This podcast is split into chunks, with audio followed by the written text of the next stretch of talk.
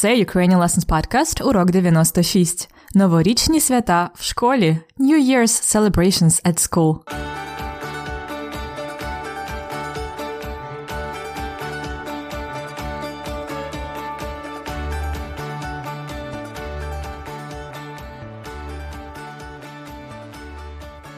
Привіт! Мене звати Анна. Я вчителька української мови, і ви слухаєте подкаст Уроки української. Вже розпочався грудень, а отже, всі вже з нетерпінням чекають на новорічні свята. В Україні ми святкуємо приблизно з середини грудня і до середини січня. Першими святкують, напевно, діти, тому що в школах в грудні проводять різноманітні концерти, ранки, свята. Саме про це сьогоднішній епізод. Якщо ви слухали попередні епізоди, то знаєте про нашу Христину. Вона американка, яка живе в Києві і працює в школі з дітьми. Сьогодні ви зможете підслухати розмову Христини з директором школи про те, як у школі будуть проходити новорічні свята. А ще ми розпочнемо одну дуже важливу граматичну тему. Готові до цього? Тоді нумо починати. So it's December already, грудень, which means everyone is looking forward to the Christmas and New Year's holidays. In Ukraine, kids are the first ones to start celebrating, and at schools there are various events being held. Today we will talk more about those events as we follow Christina to her workplace and listen to her conversation with a headmaster. Also, we will start one very important grammar topic. Готові до цього? Are you ready for this? Нумо починати. Let's start. Отже, скоро в Україні будуть різдвяні і новорічні свята. Різдвяний це прикметник від слова різдво, різдвяний. А новорічний від новий рік, новорічний, різдвяні і новорічні свята. Також під час свят в школах і в університетах тривають зимові канікули Winter Vacation or Winter Holidays – Зимові канікули. У сьогоднішньому діалозі ви дізнаєтеся про те, як у школі святкують різдвяні і новорічні свята. Тож послухайте, будь ласка, розмову і знайдіть відповіді на мої запитання. Перше запитання коли починаються зимові канікули? Друге, коли починаються новорічні святкування в школі? Новорічні святкування celebrations в школі? І третє питання: коли в школі будуть проводити новорічні ранки? І що за таке новорічні ранки? І коли їх будуть проводити в цій школі? То ви готові до нової розмови Христини? Тоді слухайте.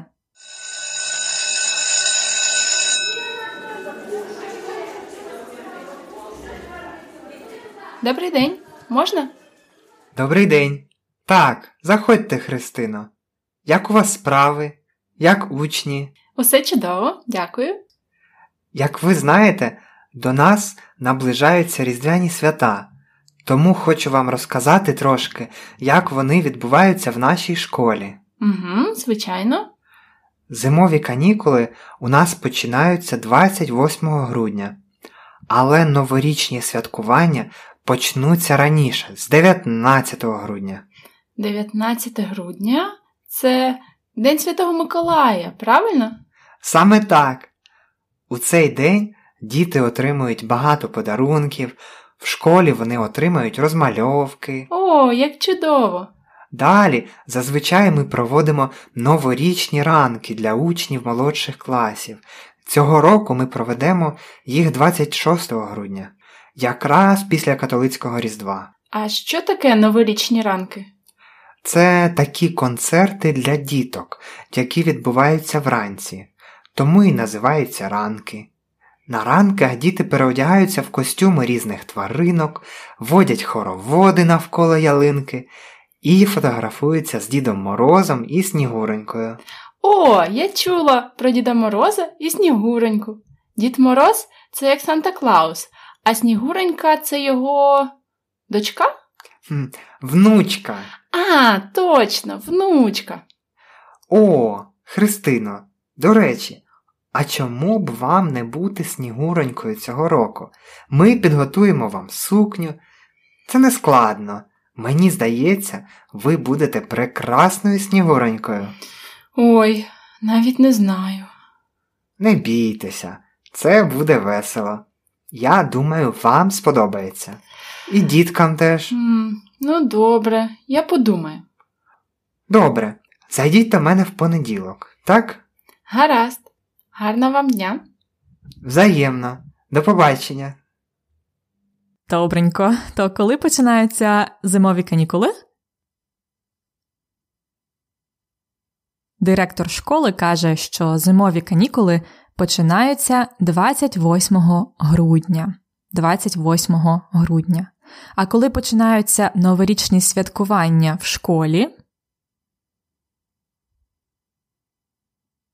Новорічні святкування New Year's Celebrations в школі починаються 19 грудня.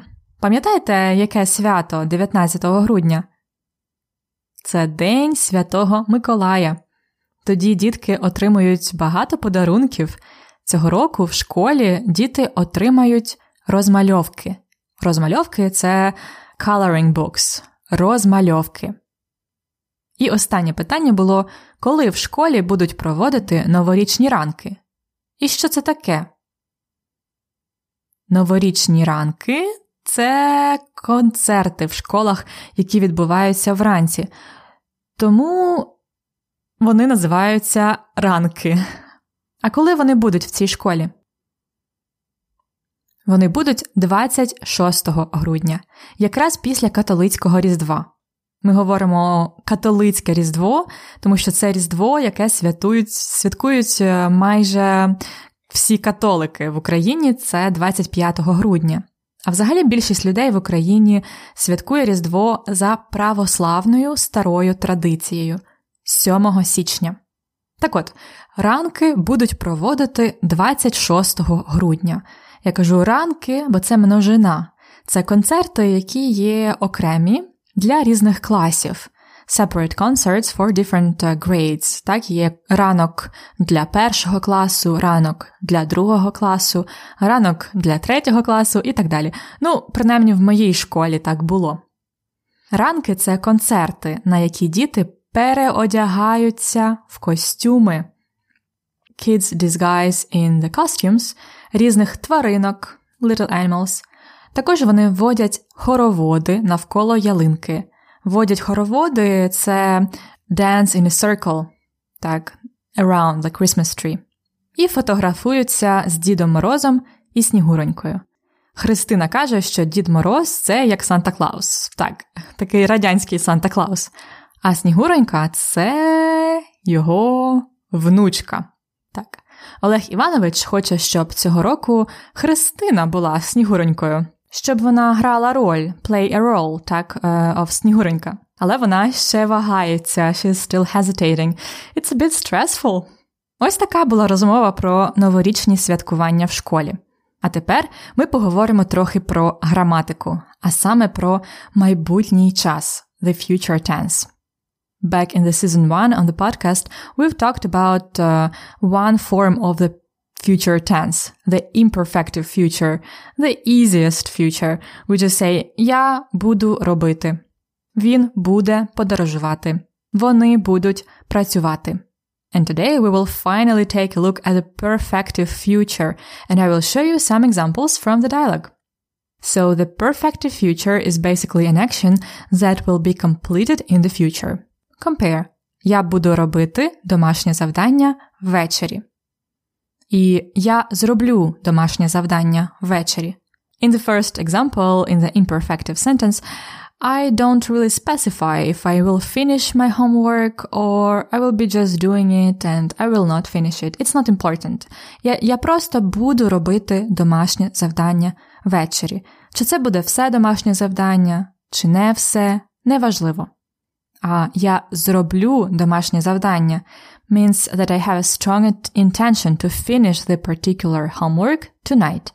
Я зроблю домашнє завдання ввечері.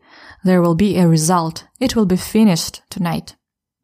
Today I would like to focus more on the formation of the future out of perfective verbs.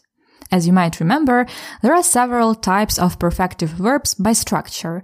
Mm, the main two types, main two groups are those ones that are formed by adding a prefix and those ones that are formed by adding or changing a suffix. The prefix is this thing at the beginning, and the suffix is in the middle by the end of the verb. So the first prefix group is the easiest one for forming the perfective future. You will just have to follow the present tense pattern. Compare робити і зробити.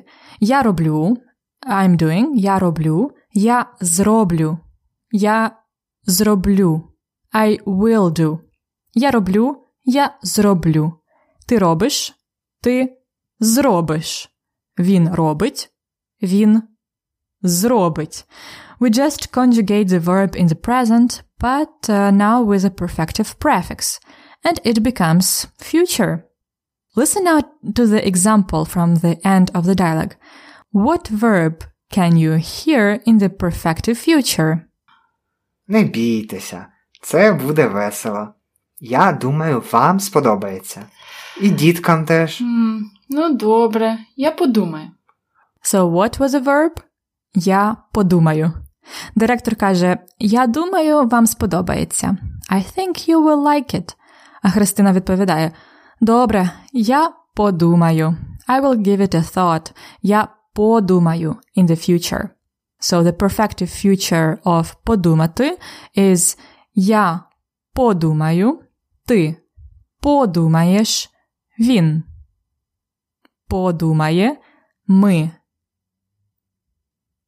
подумаємо, ви подумаєте, вони подумають. Just like the present, even the conjugation pattern is the same in the first conjugation. And now let's have a look at the second group.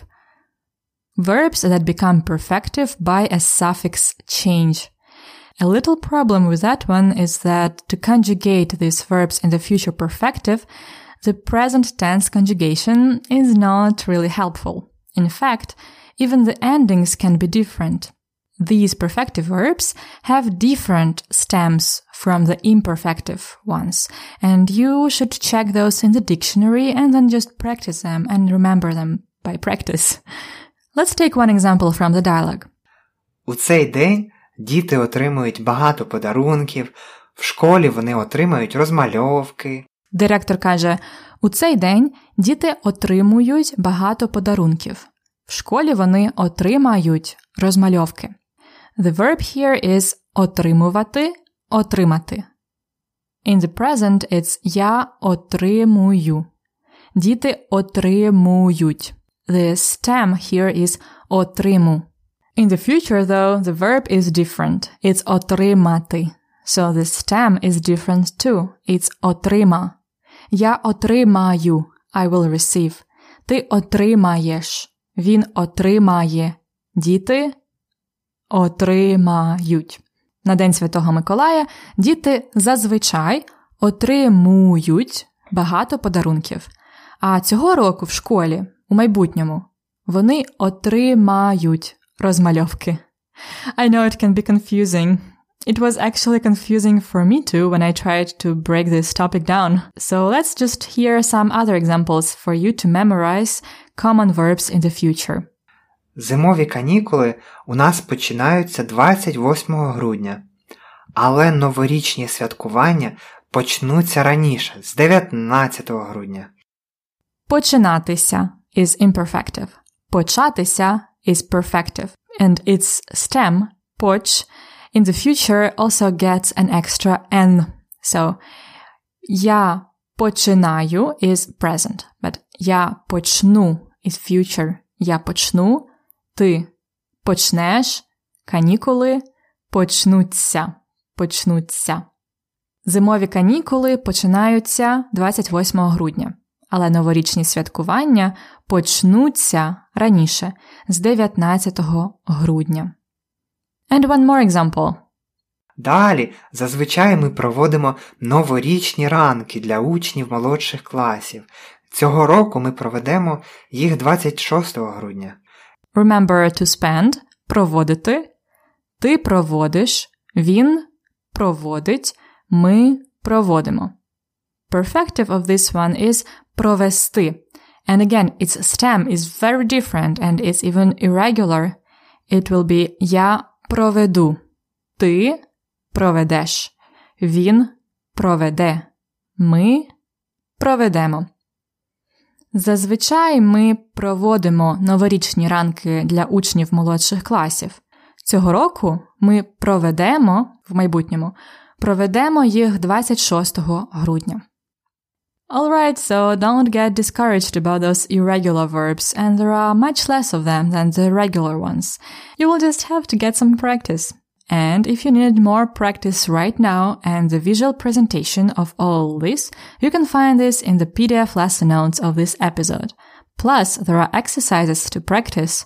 You can find out more about the lesson notes subscription at uh, ukrainianlessons.com slash episode 96. Azaras! Ви готові слухати діалог ще раз, щоб все повторити?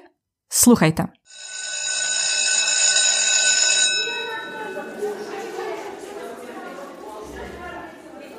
Добрий день. Можна? Добрий день. Так, заходьте, Христино. Як у вас справи? Як учні? Усе чудово, дякую. Як ви знаєте, до нас наближаються різдвяні свята, тому хочу вам розказати трошки, як вони відбуваються в нашій школі. Угу, звичайно. Зимові канікули у нас починаються 28 грудня, але новорічні святкування почнуться раніше, з 19 грудня. 19 грудня це День Святого Миколая, правильно? Саме так. У цей день діти отримують багато подарунків, в школі вони отримають розмальовки. О, як чудово! Далі зазвичай ми проводимо новорічні ранки для учнів молодших класів. Цього року ми проведемо їх 26 грудня, якраз після католицького Різдва. А що таке новорічні ранки? Це такі концерти для діток, які відбуваються вранці, тому і називаються ранки. На ранках діти переодягаються в костюми різних тваринок, водять хороводи навколо ялинки і фотографуються з Дідом Морозом і Снігуренькою. О, я чула про Діда Мороза і Снігуреньку. Дід Мороз це як Санта Клаус, а Снігуренька це його дочка? Внучка. А, точно, внучка. О, Христино, до речі, а чому б вам не бути снігуронькою цього року? Ми підготуємо вам сукню. Це не складно. Мені здається, ви будете прекрасною снігуронькою. Ой, навіть не знаю. Не бійтеся, це буде весело. Я думаю, вам сподобається. І діткам теж. М, ну, добре, я подумаю. Добре, зайдіть до мене в понеділок, так? Гаразд. Гарного вам дня. Взаємно. До побачення.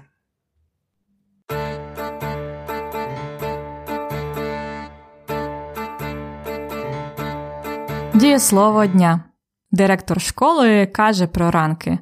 На ранках діти переодягаються в костюми різних тваринок, водять хороводи навколо ялинки і фотографуються з Дідом Морозом і Снігуренькою.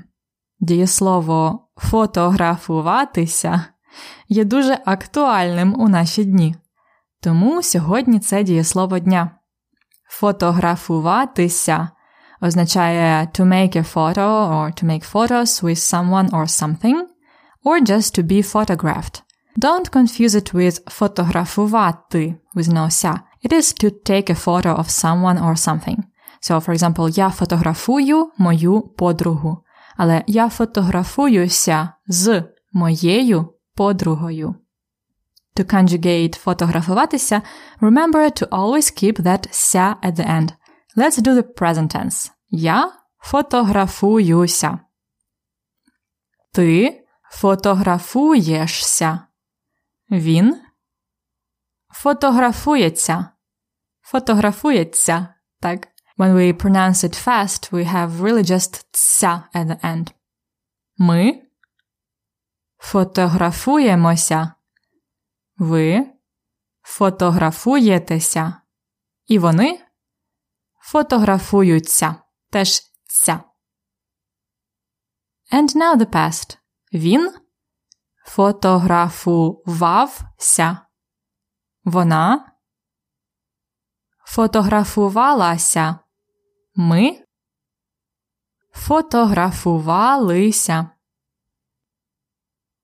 And now we can do the future too, the future perfective out of сфотографуватися. Я сфотографуюся. Тобто фотографуюся плюс с. Я сфотографуюся. Він сфотографується. Ми сфотографуємося. Добре. То якщо ви побачите мене в Києві на вулиці, ви сфотографуєтеся зі мною? Я залюбки з вами сфотографуюся. Фразеологізм дня. Сьогоднішній фразеологізм дня може бути дуже корисний, якщо ви зайнята людина. Це фразеологізм забирати час. Literally to take the time away. Забирати час. It uh, means to take time. For example, організація новорічного ранку забирає досить багато часу. А також it could mean uh, to take up someone's time. For example, Олег Іванович, директор школи, він міг казати Христині таке: Христино, зайдіть до мене, будь ласка, я не заберу у вас багато часу. Христина, please stop by my office. I won't take too much of your time. Я не заберу у вас багато часу. Тому, якщо ви зайняті, просто кажіть не забирай, будь ласка, мій час.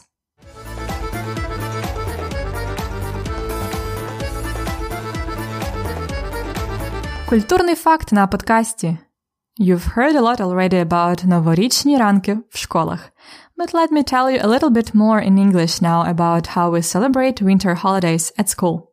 Usually kids with teachers decorate their classrooms and the main hall with festive decorations, different bright shiny stuff.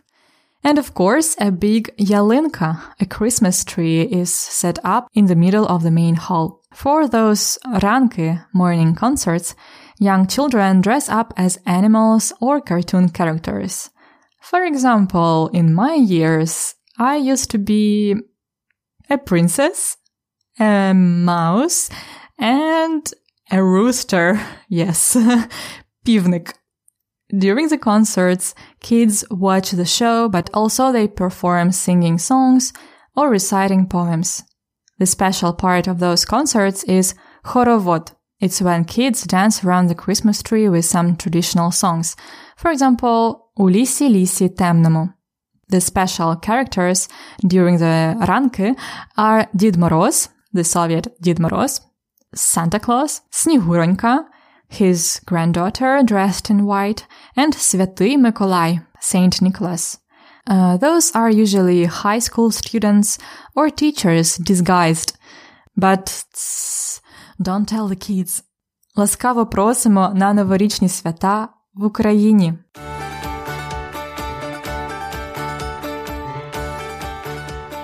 І це все на сьогодні. У наступних епізодах ми будемо далі слідкувати за Христиною і її пригодами в Україні, а також вивчати майбутній час.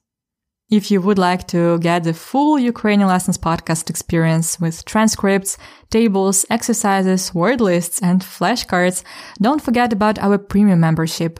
You can find out more at ukrainianlessons.com slash episode 96 ukrainianlessons.com slash episode 96. А я прощаюся з вами до наступного тижня. Бажаю всього найкращого. До побачення!